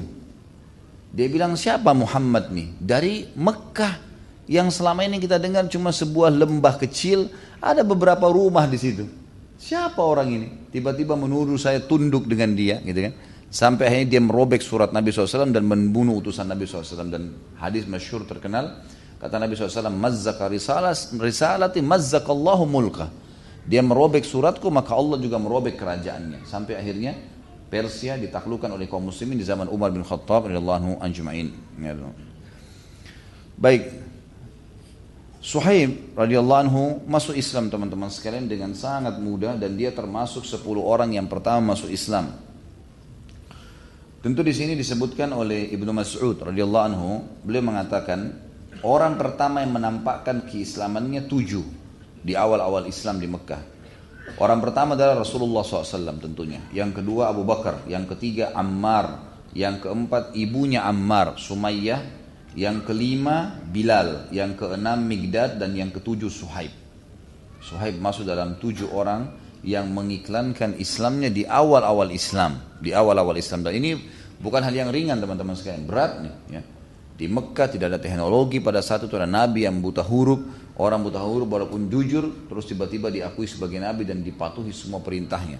Nah, ini menandakan sebuah nilai tersendiri. Gitu. Masuk Islamnya beliau disebutkan oleh penulis di sini adalah yang paling masyhur kisahnya pada saat beliau mendengarkan kalau ada seseorang yang mengaku sebagai nabi dan dia pernah dengar dari pendeta-pendeta Nasrani yang waktu dia tinggal di negara Romawi, mereka berbicara, ini sudah dekat masa keluarnya nabi dan nabi itu akan keluar di sebuah kota yang bernama Mekah di Jazirah Arab. Sebagian ahli sejarah mengatakan Suhaib lari ke Mekah karena masalah ini. Ya, karena dia tahu kalau di situ akan keluar nabi terakhir. Yang jelas Suhaib pun mengatakan dia mendengarkan dari para pendeta-pendeta tersebut yang bilang akan keluar nabi terakhir bernama Muhammad dan disebutkanlah ciri-cirinya. Maka Suhaib pun pada saat mendengar Nabi Muhammad SAW mengaku sebagai nabi, dia spontan pada saat itu mendatangi tempat Nabi SAW berkumpul tepatnya Darul Arkam, namanya Darul Arkam. Nabi SAW berkumpul dengan para sahabat yang masuk Islam dan Suhaib pun datang ke sana bertepatan bersama dengan Ammar bin Yasir. Ammar terkenal juga nanti kita akan bahas kisahnya. Dia dengan ayahnya Yasir dan juga ibunya Sumayyah dan Sumayyah adalah orang yang mati syahid wanita pertama yang mati syahid dalam Islam. Yasir juga termasuk orang yang pertama mati syahid dalam Islam. Jadi orang tuanya Ammar adalah dua orang yang pertama masuk Islam dan Ammar ini punya hukum ada sendiri bahasan yang kita akan bahas nanti. Yang jelas Ammar sama Suhaib sama-sama ketemu dan Ammar ini budaknya Abu Jahal ya. Karena Yasir ayahnya dan ibunya semuanya budaknya Abu Jahal dan Abu Jahal yang membunuh mereka. Jadi sama-sama budak pada saat itu. Mereka pun masuk ya sama bersamaan tiba di Darul Arkam lalu ya Suhaib bertanya kepada Ammar kau mau apa di sini Ammar bertanya kau mau apa maka dua-duanya sepakat mengatakan saya ingin mendengar tentang Nabi yang terakhir ini yang sekarang mengaku Nabi. Maka keduanya pun masuk setelah mendengarkan beberapa penyampaian Nabi SAW, maka keduanya tiba-tiba syahadat pada saat itu. Ini ringkas tentang masalah ya bagaimana masuk Islamnya Suhaib radhiyallahu anhu. Kemudian teman-teman sekalian, dan itu bisa dilihat kalau yang pegang buku halaman 4748 dari 46 4748 menceritakan tentang masuk Islamnya dan bagaimana orang-orang Quraisy menyiksa ya setiap orang yang masuk Islam pada saat itu termasuk Suhaib disiksa oleh orang-orang Quraisy ini. Tentu saja penyiksaan macam-macam ya, dipukulin, digebukin dan umumnya pada awal bukan cuma Bilal, semua budak disiksa ditarik ke bawah matahari lalu dijemur ya, dibiarkan kepanasan di atas padang pasir. Tentu teman-teman kalau yang belum pernah menginjakkan di padang pasir, padang pasir ini kalau kena cahaya matahari itu panas sekali seperti bara api panasnya gitu kan. Berbeda dengan tanah. Kalau kayak tanah kita memang masih lembab kayak di Indonesia lembab. Kalau padang pasir beda karena dia kering. Jadi kalau musim dingin dia dingin, kalau musim panas dia panas, panas sekali. Nah orang kalau di sisi padang pasir itu bukan hal yang ringan. Dan termasuk Suhaib bersama Bilal ya, bersama dengan Khabbab radhiyallahu anhu sahabat-sahabat ini, Migdad, semuanya ini ya disiksa oleh eh, orang-orang Mekah dengan cara ditidurkan di padang pasir dari pagi sampai menjelang malam baru dibebasin gitu kan. Dibebasin dia pun, dia pun dibelenggu diikat kemudian besok disiksa lagi seperti itu tapi mereka tetap sabar di jalan Allah Subhanahu wa taala dan mereka tetap berusaha di malam hari pada saat mereka dilepaskan mereka berusaha untuk lari dan mencoba mendengarkan apa yang Nabi SAW sampaikan. Jadi ini bukti nyata teman-teman sekalian bagaimana kekuatan Suhaib dalam memegang Islam. Sebagaimana tadi saya katakan di pelajaran-pelajaran yang bisa kita ambil, tidak menunda kebenaran begitu dengar langsung menerimanya dan juga bagaimana mereka berpegang teguh pada kebenaran tersebut. Begitu tahu ini benar sudah selesai, istiqomah sudah pegang. Seperti antum sudah tahu, oh ini benar nih dalam agama, ini nggak mungkin salah. Udah pegang istiqomahin sampai mati, tinggal tunggu sampai mati masuk surga. Udah. Tinggal begitu saja, sederhananya begitu. Para sahabat sederhana, memperjuangkan sampai meninggal dunia, udah apa yang Allah janjikan mereka akan dapatkan dengan keyakinan seperti itu. Kemudian kita masuk ke hijrahnya Suhaib. Tentu dibekal dengan siksaan dan segala akhirnya datanglah waktu hijrah ke Madinah. Maka yang paling berpengaruh sekali, sebagaimana waktu teman-teman panitia menanyakan saya Ustadz kira-kira judulnya apa nih yang bagus? Saya bilang Suhaib Rumi pemilik surah Al-Baqarah 207 gitu kan. Karena memang ayat ini subhanallah turun untuk beliau sendiri dan banyak orang tidak tahu nih bagaimana Suhaib Ar-Rumi radhiyallahu anhu mendapatkan kemuliaan Allah turunkan ayat Al-Qur'an karena perilakunya. Kisahnya adalah berhubungan dengan hijrahnya, hijrah ke Madinah. Jadi waktu Nabi SAW hijrah ke Madinah dan Nabi SAW termasuk orang yang terakhir sebenarnya hijrah dari Mekah ya. Karena semuanya sahabat-sahabat yang lain sudah pada lari pergi ke Madinah. Ternyata di dalam kisah Suhaib disebutkan setelah Nabi SAW hijrah masih ada dia tinggal di Mekah. Dan dia disebutkan juga dalam oleh ahli sejarah dengan anak-anak Nabi SAW. Ya, masih ada di Mekah. Termasuk pada saat itu anak Abu Bakar, ya, Aisyah, Asma, semua masih di Mekah. Dan nanti setelah hijrah ke Madinah, barulah Nabi SAW mengutus Zaid bin Haritha untuk menjemput sisa wanita muslimat. Suhaib rumi radhiyallahu anhu, beliau pada saat mendengar Nabi SAW sudah hijrah dan orang-orang Quraisy lagi mengejar untuk membunuhnya, maka Suhaib pun merasa dirinya tinggal sendirian. Ya. Gak ada lagi laki-laki muslim kecuali dia. Maka dia pun akhirnya berusaha untuk hijrah. Dan Suhaib rumi ini pada saat dibeli, dibeli oleh Abdullah bin Jud'an tadi, dan di, dia, dia berusaha bisnis dengan Abdullah bin Judan dan Abdullah bin Judan bebaskan akhirnya dia menjadi orang kaya raya. Jadi di Mekah dia seorang orang yang kaya raya. Punya banyak emas punya banyak uh, usaha. Dia seorang yang kaya raya Suhaib radhiyallahu anhu. Pada saat akan hijrah ke Madinah dia berusaha lari dan dia mengambil anak-anak panahnya semua yang dia punya kemudian hartanya yang dia bawa cuma sebagian kecil yang lainnya sengaja ditinggalkan oleh dia semua rumahnya usahanya pakaian-pakaiannya emas-emas batangannya yang sangat banyak semua ditinggalkan di Mekah. Waktu beliau lari, berusaha untuk lari dan pada saat itu kurang lebih bertepatan dengan orang-orang Quraisy juga berusaha mengejar Nabi SAW dengan Abu Bakar. Maka Suhaib pun berusaha lari untuk mengejar, untuk pergi bersama Nabi SAW. Waktu di tengah, baru dia keluar sebentar, dia tahu. Ya, orang-orang Quraisy tahu Suhaib ini Muslim. Lalu dikejar oleh orang-orang Quraisy. Lalu Suhaib berhenti, kemudian dia naik ke atas bukit yang agak tinggi dan dia berkata, wahai Quraisy, Kalian tahu, saya pemanah yang ulung. Memang terkenal salah satu cirinya beliau suka memanah dan sangat tepat kalau memanah. Maka saya pemanah yang ulung. Demi Allah saya akan lepaskan anak-anak panah saya ini sampai kalian mati. Dan kalaupun masih sisa, saya akan menghadapi dengan pedang saya, saya mati untuk kalian mati. Gitu kan? Lalu kata orang-orang Quraisy, wahai Suhaib, kau datang ke tempat kami di Mekah orang miskin, budak, tidak punya apa-apa. Sekarang kamu tiba-tiba jadi kaya, punya kemampuan, lalu kau coba masuk Islam. Ya, kamu mengkhianati Tuhan-Tuhan kami yang kami sembah. Kata Suhaib, terserah. Yang jelas saya akan pergi dan saya sudah masuk Islam. Lalu kata mereka, kalau begitu, kau dulunya miskin, bagaimana bisa kau pergi? Dia bilang Suhaib, baik. Apa kalian mau harta saya? Kalau mau harta saya silahkan, saya kasih. Kata mereka, baik. Kalau kau berikan hartamu, kami tidak akan mengejar kamu. Biarkan kamu pergi. Kata Suhaib, semua harta saya buat kalian, ambil. Itu rumah-rumah saya, toko-toko saya, usaha-usaha saya, di rumah saya penuh semua harta. Tidak ada yang saya bawa. Dibukain tasnya sama dia. Yang saya bawa adalah ini. Ada rupanya beberapa keping emas lalu kemudian diberikan oleh Suhaib. Nih, ambil semuanya. Dilemparin ke arah mereka. Yang saya bawa cuma anak panah saya, kuda dengan baju saya ini. Karena ambil semua. Kata Quraisy baik. Kalau engkau menyerahkan semua kami kami biarkan kamu pergi. Maka Suhaib pun pergi. Sendirian. Radiyallahu anhu. Jalan sampai ke Madinah. Nabi SAW rupanya sudah tiba di Madinah sebelumnya, gitu kan? Sudah tiba, sudah disambut masyarakat Madinah, sudah mulai ada eh, apa namanya penyambutan dengan tiga hari pertama tentunya Nabi SAW di wilayah pembukaan Madinah sehingga membangun masjid Kuba. Sampai Nabi SAW ke wilayah tengah-tengah Madinah dan membangun masjid Nabawi, Suhaib ar-Rumi pun tiba, gitu kan? Pada saat tiba, tiba-tiba Nabi SAW melihatnya dan mengatakan, wahai Suhaib, ya. Kata Nabi SAW, ribhul bayu Aba Yahya. Sungguh jual beli yang menguntungkan wahai Abu Yahya. Perlu kita tahu teman-teman sekalian. Di sini saya tidak sebutkan istrinya dan anaknya karena memang buku-buku sejarah menyebutkan tidak menyebutkan Suhaib memiliki istri dan anak. Bahkan sebaliknya, memang dia tidak sempat menikah sampai meninggal. Bahkan sebaliknya, ini kalau sebagian buku sejarah. Kalau anda mendapatkan memang ada berbeda, Allah alam mungkin itu yang lebih benar.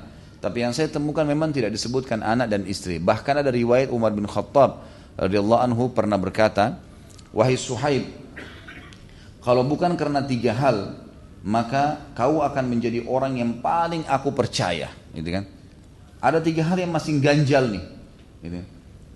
Dan setelah Suhaib menjawab Umar radhiyallahu anhu, Umar menjadikan Suhaib menjadi imam sholat di zaman khilafahnya beliau. Artinya pada saat beliau ditusuk sehingga Umar bin Khattab menjelang matinya, sampai enam orang sahabat menunjuk siapa yang jadi kandidat khalifah maka yang jadi imam adalah Suhaib. Dan ini tandanya adalah dia menjadi pemimpin pada saat itu sementara gitu kan? Dan ini sebuah kedudukan. Tidak sembarangan orang jadikan juga sebagai pemimpin sementara. Sampai ada khalifah yang benar yang yang sah baru Suhaib ya digantikan jadi imam jadi Umar bin Khattab sempat mengatakan pada saat itu dan ini teman-teman bisa lihat tentu di halaman 54 dari buku ya bagaimana Umar mengatakan wahai Suhaib mengapa engkau dipanggil dengan Abu Yahya? Ya. Sementara engkau tidak mempunyai anak. Ya. Jadi ini pada saat itu di zaman khilafahnya Umar bin Khattab ya. Jadi dari awal beliau uh, dari awal beliau masuk Islam sampai di zaman Umar bin Khattab ini disebutkan tidak punya anak. Sebagian hadis sejarah mengatakan juga belum menikah, gitu kan? Maka dikatakan bagaimana bisa kau punya julukan Abu Yahya sementara kamu tidak punya anak? Karena Umar tadi mengatakan, saya bilang teman-teman, kalau bukan karena tiga hal, hai Suhaib, kau akan menjadi orang yang paling aku percaya di pemerintahan, orang di sebelahku, sahabatku dan segala. Tapi ada tiga hal yang masih ganjal nih. Yang pertama, bagaimana bisa kau punya kunyah, punya julukan Abu Yahya sementara kau tidak punya anak, gitu kan? Yang kedua, engkau menyatakan dirimu sebagai orang Arab padahal engkau dari Romawi. Dan yang ketiga, engkau pernah memberi makan dengan jumlah yang besar dan hal itu merupakan pemborosan. Jadi Suhaib pernah mendapatkan uang yang sangat besar, kemudian beliau radhiyallahu anhu menghabiskan uang itu hanya untuk memberikan makan pada saat itu kepada seluruh sahabat yang ada di Madinah, gitu kan. Maka kata Umar, itu sebuah pemborosan yang kalau kau lakukan pada saat itu sebenarnya kau bisa berikan bagikan kepada orang lain bisa kamu berikan kepada keluargamu dan seterusnya. Seperti itulah. Maka Suhaib menjawab Rasulullah SAW kalau kenapa aku memiliki kunyah Abu Yahya? Karena Rasulullah SAW yang memberikan itu walaupun aku belum punya anak karena pada saat aku tiba di Madinah Rasulullah SAW mengatakan ya pada saat tadi sabda yang saya sebutkan itu ya ribhul bayu Abu Yahya sungguh transaksi yang sangat menguntungkan wahai Abu Yahya. Karena tadi waktu dia bayar dengan seluruh hartanya sampai dia bisa hijrah, Nabi SAW menyambut sambil mengatakan, sungguh transaksi yang sangat menguntungkan, wahai Abu Yahya. Sementara itu bukan nama saya, tapi Nabi SAW sebutkan itu, memberikan julukan itu. Kemudian yang kedua, kalau masalah aku mengatakan nasabku dari turunan Arab dan kelainku, maka perlu anda tahu, aku adalah laki-laki dari suku An-Namir bin Qasid, dari Al-Musil, dari Irak. Dan ayahku dulu adalah seorang gubernur raja di sana. Hanya saja aku ditawan, maka orang-orang Romawi menawanku saat aku masih kanak-kanak. Setelah itu aku tidak mengenal sebenarnya keluargaku dan keturunanku. Bahkan aku melupakan jalur keturunanku. Setelah aku dewasa baru aku tahu ternyata aku dari suku tersebut. Maka aku dikenal dengan Ar-Rumi karena berasal dari wilayah Romawi yang lari dari mereka menuju ke Mekah. Sementara aku asalnya dari suku Namr tadi, dari orang Arab. Jadi aku bukan dusta. Dan yang ketiga, mengenai ucapan anda tentang makanan dan bahwasanya ia merupakan pemborosan, maka aku telah mendengarkan sabda Nabi Shallallahu Alaihi Wasallam, Inna khiyarakum man at'amat ta'ama wa salam. Sesungguhnya orang terbaik dari kalian adalah orang yang memberi makan dan menjawab salam. Hadis inilah yang membuatku memberi makan pada saat itu tanpa ada pertimbangan. Gitu kan. Maka dari perbuatan ini Umar bin Khattab akhirnya menjadikan Suhaib sebagai penasehat pertamanya, utamanya. Itu kan pada saat itu ada Uthman, ada Ali, ada sahabat-sahabat Nabi, tapi Suhaib menjadi penasehat utamanya Umar bin Khattab dalam kerajaan. Dan kita tahu bagaimana kesuksesan Umar bin Khattab dalam menjalankan kerajaannya. Dan juga pada saat Umar bin Khattab tertusuk, maka dia membiarkan Suhaib yang menjadi imam sampai ahli syura ya, berhasil menunjuk salah satu dari orang-orang mereka menjadi pemimpin dan ini bisa dilihat di halaman 54 tentunya dari buku kita ya. kemudian juga disebutkan di sini oleh penulis sebuah kesaksian besar juga dari Al Faruq Umar bin Khattab tentang Suhaib sampai dikatakan Umar mensolatkan Abu Bakar ketika Abu Bakar wafat dan ketika Umar wafat yang mensolatkannya adalah Suhaib padahal sebenarnya yang menjadi yang mensolatnya musuhnya khalifah jadi waktu Abu Bakar mati, Umar ditunjuk jadi khalifah, Umar mensolati jenazahnya, gitu kan? Karena pada saat itu juga. Tapi waktu Umar meninggal, Uthman bin Affan sudah terpilih. Tapi tetap seluruh sahabat menunjuk Suhaib menjadi imam pada saat itu karena Suhaib radhiyallahu anhu memiliki bacaan yang bagus dan karena Umar bin Khattab menunjuk dia jadi imam pada saat ahli syura sedang menunjuk salah satu dari kandidat khalifah itu tentunya. Juga Suhaiblah disebutkan oleh penulis di sini buku turun ke kubur Umar bersama Uthman, Sa'id bin Zaid dan juga Abdullah bin Umar. Ya, Abdullah ibn Umar. Jadi memang di sini terkenal sekali dan beliau hidup sampai zaman masanya Uthman bin Affan. Ini salah satu ya fadilah yang beliau miliki adalah 10 orang yang masuk dalam uh, Islam itu fadilah itu keutamaan yang pertama, mangkib atau manakib yang pertama. Yang kedua beliau adalah pemilik ya surah nomor Al-Baqarah 207 gitu. Jadi tadi waktu Nabi SAW ini masih kita bahas poin ini ya. Jadi waktu Nabi SAW melihat dia hijrah dan memberikan seluruh hartanya, maka kata Nabi SAW, Ribhul bayi Aba Yahya, sungguh transaksi yang sangat menguntungkan. Lalu kemudian ya, pada saat itu teman-teman sekalian Allah Azza wa mengutus Jibril alaihissalam khusus untuk Suhaib menurunkan Al-Baqarah 207 yang bunyinya A'udzu billahi minasyaitonir rajim wa minan nasi may yashri nafsahu ibtigha'. Dan ada di antara orang-orang saya bukakan dulu kembali kita lihat Al-Baqarah 207 biar lihat ayat lengkapnya.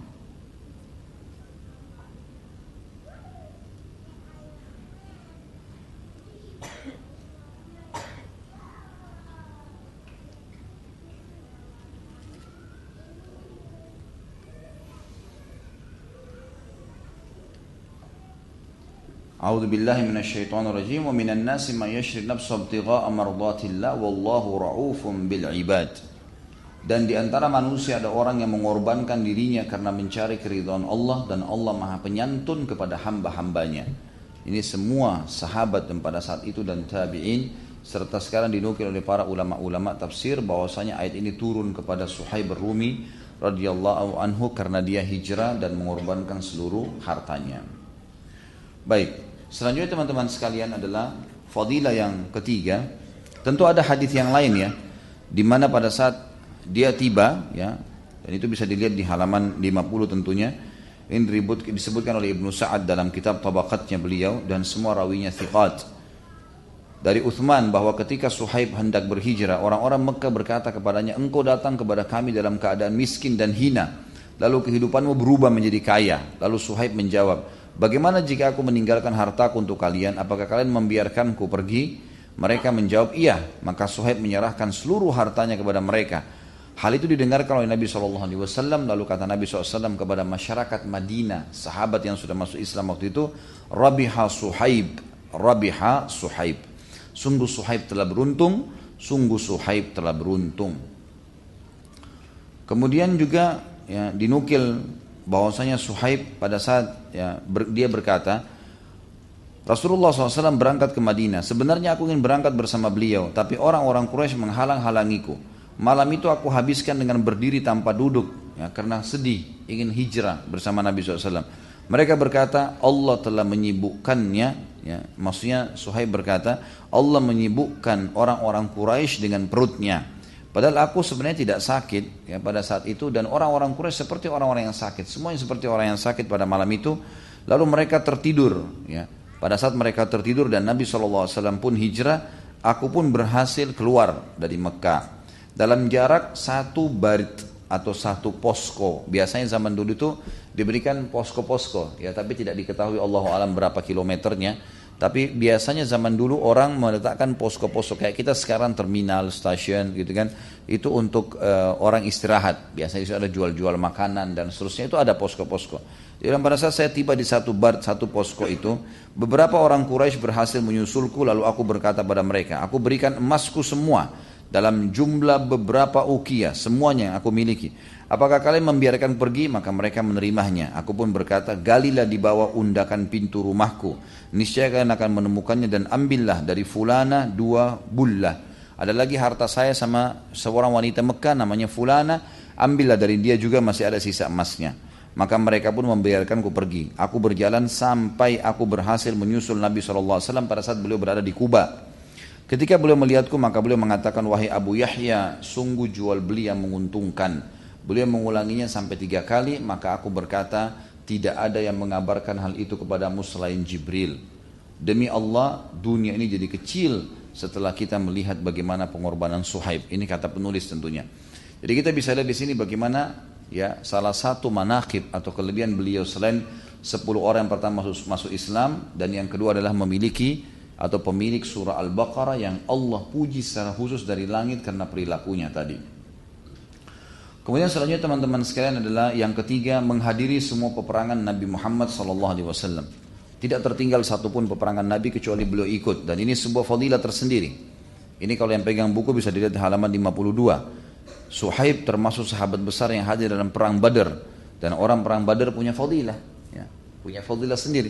Yang hadir Badr berarti dia sudah apa pun yang dikerjakan setelah itu dimaafkan oleh Allah. Sebagaimana ayat tadi saya sudah bacakan. Suhaib berkata tentang dirinya, tidaklah Rasulullah SAW terjun ke dalam sebuah peperangan pun kecuali aku ikut bersama beliau. Tidaklah ada berita peristiwa bayat pun kecuali aku hadir. Tidaklah ada sebuah pasukan pun yang dikirim oleh Rasulullah SAW kecuali aku ikut bersamanya. Tidaklah ada satu peperangan pun yang diikuti oleh Rasulullah SAW di awal dan di akhir di akhir masa kecuali aku ada di sana di kanan atau di kiri beliau. Mereka musuh ya tidak takut di depan kecuali eh, di depan mereka kecuali aku di depan mereka dan mereka tidak takut di belakang kecuali mereka aku ada di belakang mereka. Aku tidak pernah menjadikan Rasulullah SAW ada di antara aku dengan musuh sampai beliau wafat. Dan ini dinukil dalam uh, Sifatus Safwa dalam sebuah buku yang masyhur tentang para sahabat. Jadi maksudnya kalau seandainya peperangan Nabi SAW suruh, peperangan apa pun itu, pasti saya yang selalu hadir di situ bersama beliau ataupun pasukan yang diutus dan beliau tidak sempat hadir. Tetap saya selalu ada. Dan tidak ada tempat di mana musuh khawatir diserang dari belakang kecuali saya sudah ada di belakang mereka. Tidak ada musuh yang khawatir diserang dari depan kecuali aku ada di depannya. Jadi selalu beliau menceritakan bahwasanya saya tidak pernah luput. Tidak ada sifat pengecut dalam peperangan-peperangan. Makanya kelebihan yang disebutkan oleh para ulama di antaranya untuk Suhaib adalah orang yang menghadiri semua peperangan Nabi SAW. Yang keempat, beliau mulia di mata Allah Subhanahu taala dan Rasulnya Muhammad SAW dan ini Ada kisah sendiri tentunya, disebutkan juga sama di halaman 52 dan 53. Saya akan bacakan kedudukan Suhaib radhiyallahu anhu di sisi Rasulullah SAW semakin meningkat. Dia selalu berada di sisi Rasulullah SAW, tidak tertinggal dari beliau sama sekali. Setiap hari Nabi jalan ke mana pasti Suhaib ada, keluar ke mana pasti Suhaib ada. Bahkan Suhaib kalau mau menggambarkan kepada kita tentang warna baju Nabi, cara jalannya, cara ngomongnya atau apa yang siapa yang dia temuin maka dia bisa menceritakan semuanya. Dia sangat bersungguh-sungguh untuk mendapatkan ridho Nabi Muhammad SAW. Dan Suhaib termasuk orang-orang yang masuk Islam angkatan pertama. Ya. Ada sebuah kisah di sini yang unik. Ya.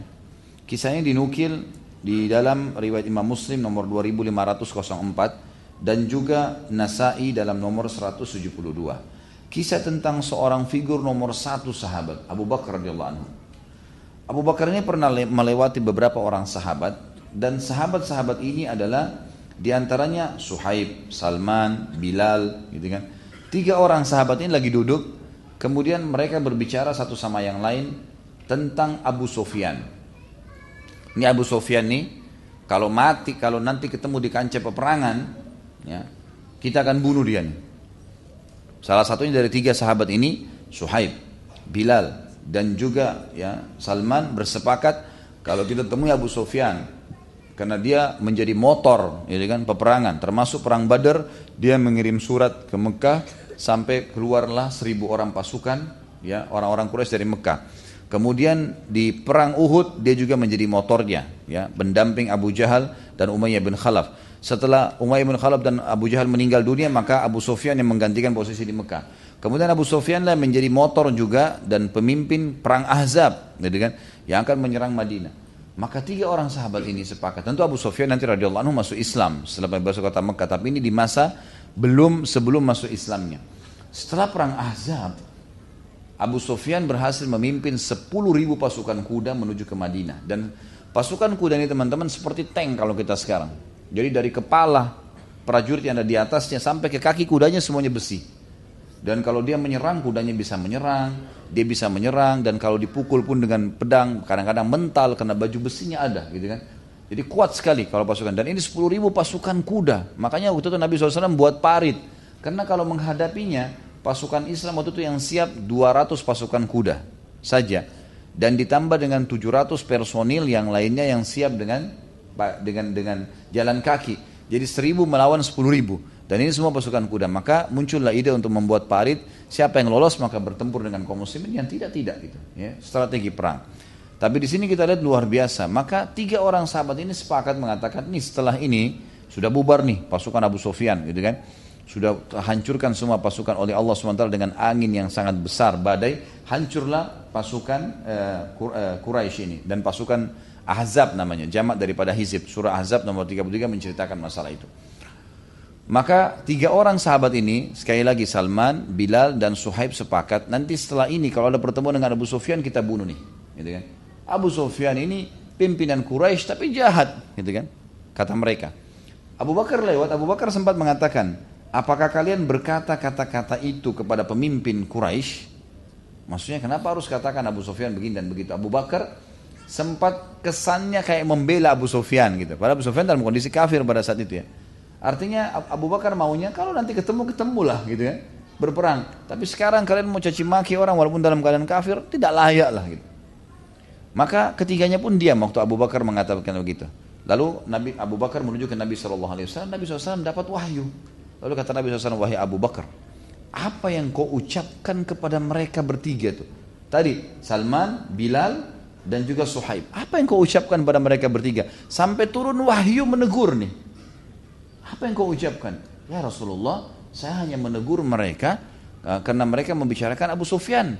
Kata Nabi SAW, kembalilah. Karena kalau kau telah membuat ketiganya murka, Allah murka padamu. Ini luar biasa. Abu Bakar dikatakan begitu. Kalau kau telah membuat mereka bertiga murka, Allah murka padamu. Kembali minta maaf ke sana.